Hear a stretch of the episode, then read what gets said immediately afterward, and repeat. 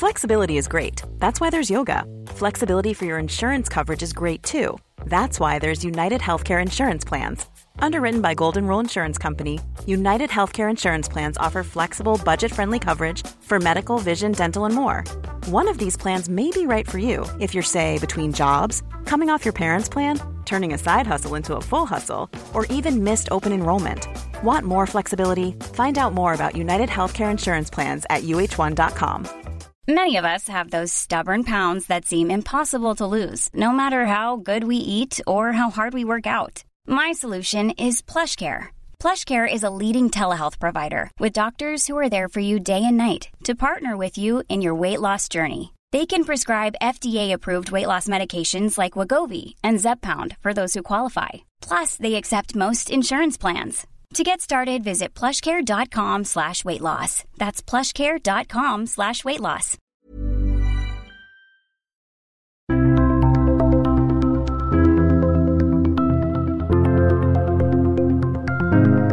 Fisken er på vei opp fra sjøen. Flere steder i verden utvikles det nå landanlegg for oppdrett. Og teknologien blir stadig bedre og billigere. Hva kan det bety for den norske oppdrettsnæringen? Du hører på Det vi lever av, en podkast fra Sysla. Jeg heter Sigrid Haaland. Man skal aldri si aldri i denne bransjen her. Eh, de som har vært kjepphøye og tror at de ser de fremtidige løsningene, de er ikke med i bransjen lenger. Ole Eirik Lerøy er styreleder i verdens største lakseselskap, Marine Harvest. Han var gjest, og vi arrangerte Sysla live i september. Og her hadde han nettopp fått spørsmål om han fryktet at Norge ville miste sine komparative fortrinn om landanlegg for et skikkelig gjennombrudd. Eh, sånn som jeg ser det, så har vi eh, helt formidable muligheter innenfor den teknologien. Vi, er, vi, vi, har fått en gave når det gjelder den kysten som vi har. Det å drive effektivt i uh, åpne merder, i, uh, i Golfstrømmen, i en, uh, en litt beskyttet kystsone med befolkning, med infrastruktur, sånn som vi har i Norge. Det er det vanskelig å konkurrere med når man skal løfte vann på land. Marine Harvest driver sjøl med oppdrett av smolt på land. Men Lerøy påpekte at dette er risikofylt. Det å, å snakke om at man har så veldig god kontroll på land, det tror jeg kan avkrefte. For vi driver veldig, veldig stort på land i dag. Og vi ser at uh, risikoen med det vi driver med, er kjempehøy. Og, og vi får overraskelser hver dag i vår landbaserte virksomhet. Likevel etableres det altså flere og flere anlegg for oppdrett på land verden over. De norske fjordene det er vårt store fortrinn som oppdrettsnasjon. Så hva vil skje om fisken kan avles opp hvor som helst? Med meg nå har jeg sjefredaktør i Bergens Tidende, Øyulf Hjertenes, og professor i ressursøkonomi og prorektor ved Norges handelshøyskole, Linda Nøsbakken. Velkommen. Takk. Takk. Linda, du leder eh, det som heter Executive eh, MBA i sjømat på NHH. Hvor stor er Norge som eh, oppdrettsnasjon i dag? Eh, som oppdrettsnasjon så er vi jo egentlig ørsmå i volum, for det er så stor oppdrett av så veldig mange arter. Og det er jo noe som når du sitter i Norge, så er vi jo svære på lakseoppdrett. Og laks er jo noe som er viktig for oss, men ser du på hele summen av alt, så er jo laks ørlite. Men det er jo en, en dyr art relativt sett. Og der er, der er, Norge kjempestore. Så vi produserer jo godt uh, over Vi produserer over halvparten av det som blir produsert på verdensbasis av atlantisk laks. Og har vel gjort det ganske lenge, etter at Chile begynte å få trøbbel for en del år siden. Og Øyulf, hvordan er det det ser ut uh, på etterspørselssiden? Hvordan er det man uh, tenker at behovet for fisk vil bli i fremtiden? Det vi vet er at behovet for mat i verden vil vokse dramatisk fram mot 2050. Rundt 70% har eh, FN anslått. Og eh, da er sjø, altså sjøen og maten fra havet en helt essensiell del av det. Når f.eks. Eh, en rapport som Sintef lagde for noen år tilbake anslo at den norske verdiskapingen og produksjonen av laks og ørret i sjøen kunne bli femdobla fram mot 2015. Sånn at det er enormt, et enormt potensial her hvis du ser på markedet i årene som kommer. Hvordan ser det da ut for eh, oppdrettsnæringen? Altså Kan den vokse seg eh, fem ganger så stor som ting er i dag? Sånn som ting er i dag, så er det vanskelig innenfor uh, laks og ørret. Og det handler om at det er er problemer i næringa. Det er miljøproblemer, det er problemer med lus og rømming og osv. som gjør til at det er vanskelig for næringa å vokse sånn som situasjonen er i dag. Det er rett og slett ikke forsvarlig å sette ut mer fisk. Men Det er jo innenfor laks, men det finnes jo, når man snakker om sjømat her, så, som Linda er inne på, så er jo laks mer enn sjømat òg. Eh, nei, altså sjømat er mer enn laks. sånn at Det er jo mange måter å svare på det behovet på. Men eh, akkurat sånn som det er i dag, så er det vanskelig å se for seg at produksjonen av norsk laks i fjordene her på Vestlandet og i, i nordover, eh, at den kan bli femdobla sånn som situasjonen er i dag. Det er vanskelig å se for seg. Jeg er jo enig med det på kort sikt. Og så er det jo Det skjer jo alltid noe på teknologisida òg. Eh, nå skal vi snakke om landbasert oppdrett. Det er jo noe som virker veldig eksotisk bare for noen år siden. Og så har teknologien utvikla seg, og kostnadene går ned, og plutselig er det blitt en realitet. Så virker helt det er dumt å ikke se på det. Og vi vet jo ikke hva som skjer skal du si, på, på sjøsida heller. Jeg ser jo for meg der vil òg komme innovasjon, og at det der kan at det da kan endre forutsetningene radikalt. Men sånn som ting er i dag, så, så er jeg helt enig med det. En av uh, hovedargumentene for at uh, man bør satse på landanlegg, har jo vært disse biologiske utfordringene som er i, i anleggene i sjøen. Hva, hva, er, hva, betyr det, Linda? Biologiske utfordringer? Biologiske utfordringer i oppdrettsnæringa har jo vært sykdom, og spesielt i senere år lakselus, som sprer seg fra anlegg til anlegg og så skaper mye problem og òg store kostnader. Um, og hvis vi tar lakseluset, da, så er den som har fått mye oppmerksomhet i senere tid, så, så, har de jo hatt Bare tenk deg, du hadde tidligere en, en, verktøykasse med verktøy du kunne bruke for å få ned lus og tall, og hvis du, du hadde det på et anlegg. Så er det blitt resistens, og så har dette spredt seg, og så sitter du igjen nå med færre og færre verktøy du kan bruke, og i noen plasser så har du gått helt tilbake til der du begynte. Til du går tilbake til eh, nærmest steinalderen her. Eh, og så har de kommet opp med ei ny løsning som er mekanisk behandling, eller ikke medikamentell behandling, som høres flott ut, for det er ingen kjemikalier, ingen medisin. Men for fisken så er jo ikke dette spesielt attraktivt. For det som skjer da, er at du kjører fisken gjennom det som for den vil føles som f.eks. varmt vann, for å skulle si, spyle av eh, lusa, eller du kan ha børster som skrubber den og får lusa til å slippe. Eh, for fisken så er det veldig mye stress, og derfor så må du sette på svelt, så ikke han skal ete en periode før, en periode etter, for å unngå eller redusere sjansene for sykdomsutbrudd. Det koster i seg sjøl fordi du får redusert tilvekst. Det har vært en hel del dødelighet knyttet til disse behandlingene, sånn at eh, det koster mye, og det er jo et problem for dyrefiskevelferden. Så, så, det er mye her som har skjedd. Så hvis vi bare hadde fått et nytt verktøy så hadde løst luseproblemet, så hadde vi vært en helt annen plass enn der vi er i dag. Og så skjer det kjempemasse på innovasjonssida. Så, så, vi må jo håpe og tro at de klarer å løse det òg i sjø.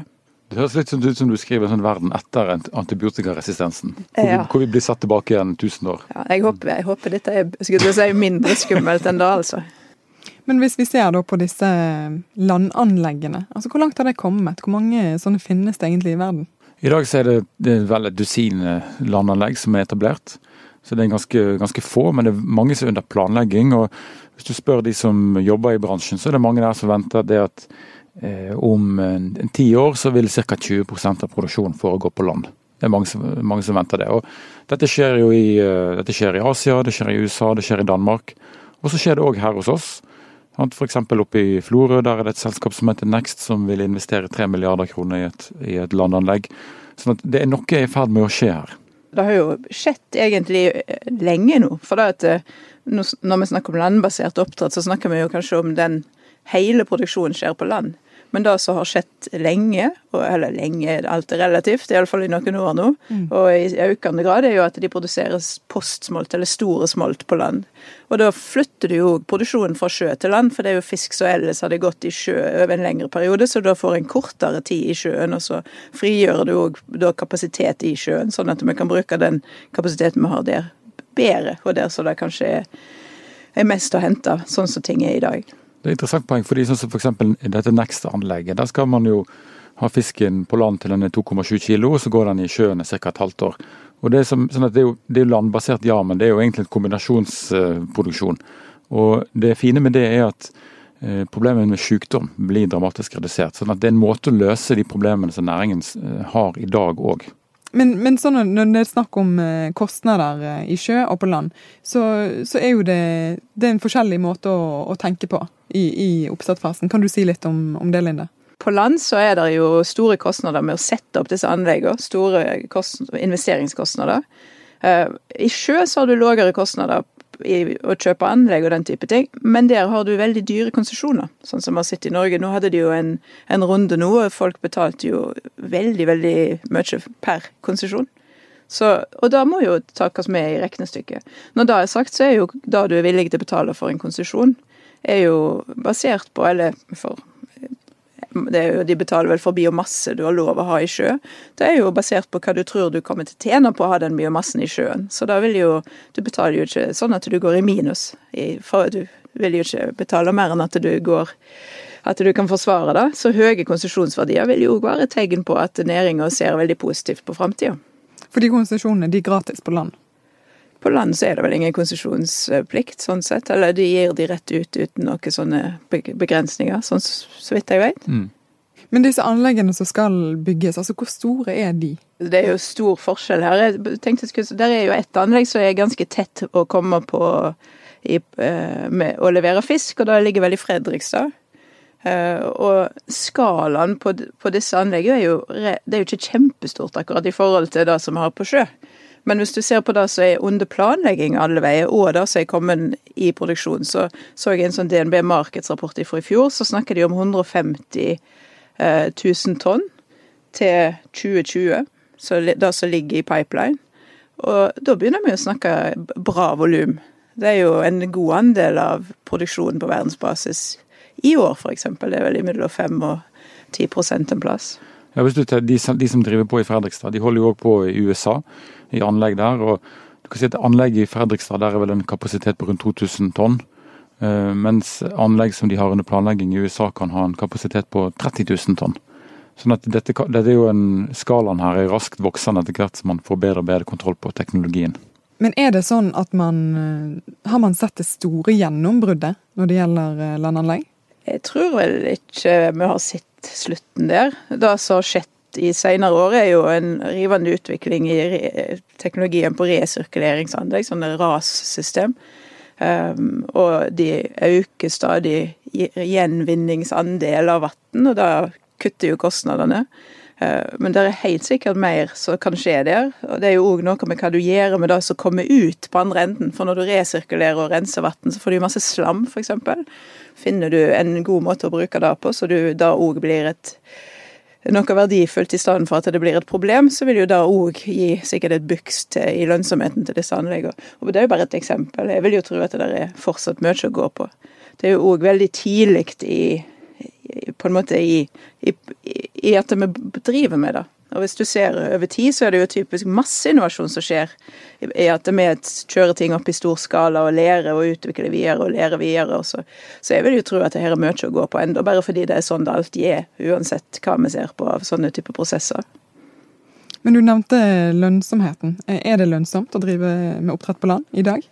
Da så er det er veldig mye som er lønnsomt når det gjelder oppdrett av atlantisk laks i dag, for det har vært så gode priser. Og det er vel av det som har gitt et buks til dette òg, at det har vært lønnsomt å eksperimentere. Og det har vært lønnsomt å, å, våge å investere, fordi prisene har vært veldig høye. Og det har vært problem i, med biologi og sånt, både i Norge og vi har sett problem i Chile, disse landene som har tradisjonelt vært veldig store på, på oppdrett. Og når da volumet ikke kan komme der, så, og det er stadig økende etterspørsel etter laks, så vil jo prisen være høy, og på, på lang sikt òg. Og det har de jo visst, og så har de investert. Og betaler seg i fadlende kostnader og sånt noe. Så vil det lønne seg i framtida? Det er jo et åpent spørsmål. Mens når kostnadene kommer nedover, så har de jo Det skal jo enda mindre til før det lønner seg. Så det er nok viktig at de har kommet i gang nå, mens prisene har vært så høye. Litt samme som olje. Vi har jo snakket om olje her tidligere. Mens du ser skiferolje i USA, f.eks., så var jo ikke det noe noe særlig av et alternativ bare for noen år siden, men når oljeprisen lå høye og stabilt høye, så har du masse å gå på. Og så kan du investere, og så kan du lære, og så kommer kostnadene ned. Og når olja vært rimeligere, så er de fortsatt eh, konkurransedyktige. Det er interessant å se hvordan dette spiller seg ut hvis næringen får problem, bukt med problemene med lakselus og med dødelighet. Fordi eh, Kostnaden ved å produsere laks i sjø den har steget de siste årene pga. de problemene. og Det har gjort det mer attraktivt å se på produksjon f.eks. på land. Så Det som blir jo interessant å se, hvis, hvis næringen får, får bukt med de problemene som de har hatt, vil landbaserte anlegg da være konkurransedyktig? Eh, og det er jo det mange, som, de, mange av de som investerer mener det, men mange av de som tilhører den mer tradisjonelle delen av næringen, tror ikke det vil være mulig. Men hva er det da å være konkurransedyktige? For så lenge du ikke klarer å øke produksjonen i sjø så mye så du at prisen kommer ned til der som kostnadene er, så vil det jo være noe å gå på. Og så lenge da gapet er der, altså du kan ikke øke sjøproduksjonen i takt med den stigende etterspørselen etter fisk, så vil prisene være høye, og da vil det være en margin der å jobbe på for de som tilbyr annen produksjon av, av oppdrettsfisk. Jeg, jeg tror ikke vi snakker blir enten sjø eller land. Vi snakker nok om hvor mye blir sjø og hvor mye blir land.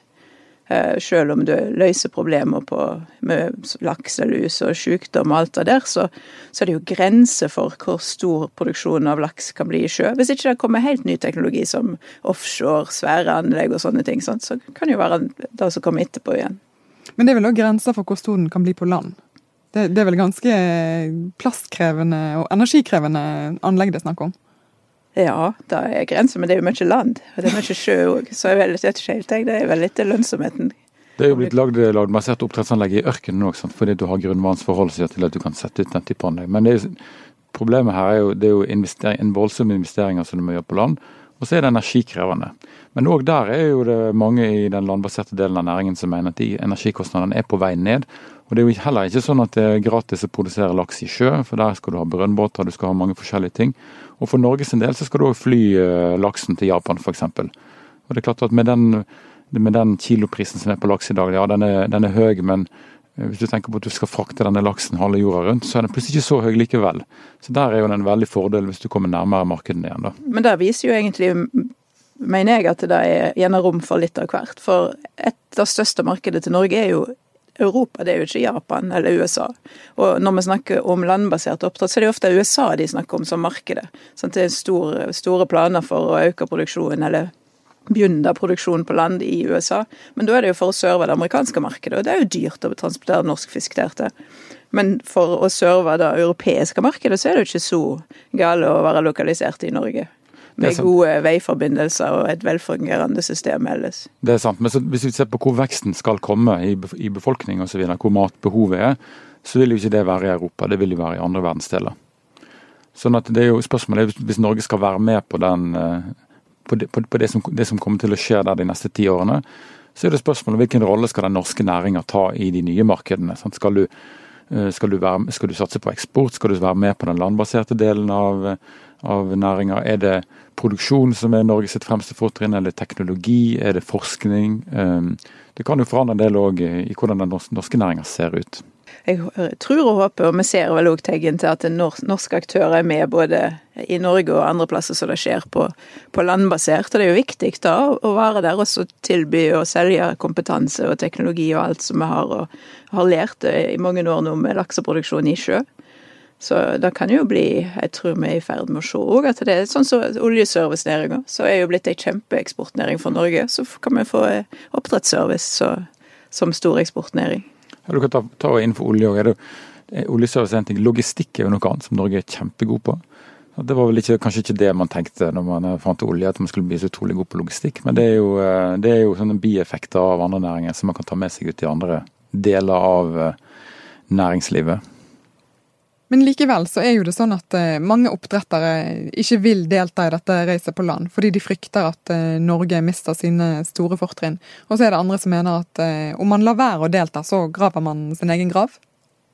Jeg tror det, det, å la være å engasjere seg i en teknologiutvikling i denne bransjen her, det er det samme som Det er i hvert fall en fare for at man graver sin egen grav. Det er jo, altså Man risikerer sånn Kodak moment i verste fall. Mm hvor eh, hele næringen blir digital, eh, men vi har et veldig bra analogkamera her.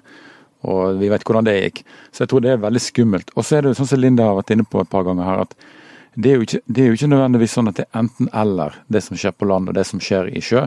Så eh, med tanke på den posisjonen Norge har i markedene i dag, og den teknologien vi har, og kunnskapen og forskningsmiljøene, så uh, vil det være en ubrukt mulighet å ikke være med på den utviklinga, vil jeg tenke. Jeg, jeg er helt enig, jeg. Du må jo du må være med, og kanskje kan de lære noe som kan gjøre at de klarer å drive enda mer effektivt med tradisjonell oppdrett så er det jo vanskelig å komme vekk ifra at vi har en fantastisk kyst for lakseoppdrett, med rett temperatur på sjøen. Sjøen har oksygen, sørger for gjennomstrømming. Det er masse her vi får gratis av type økosystemtjeneste, så, så, de må betale for på land.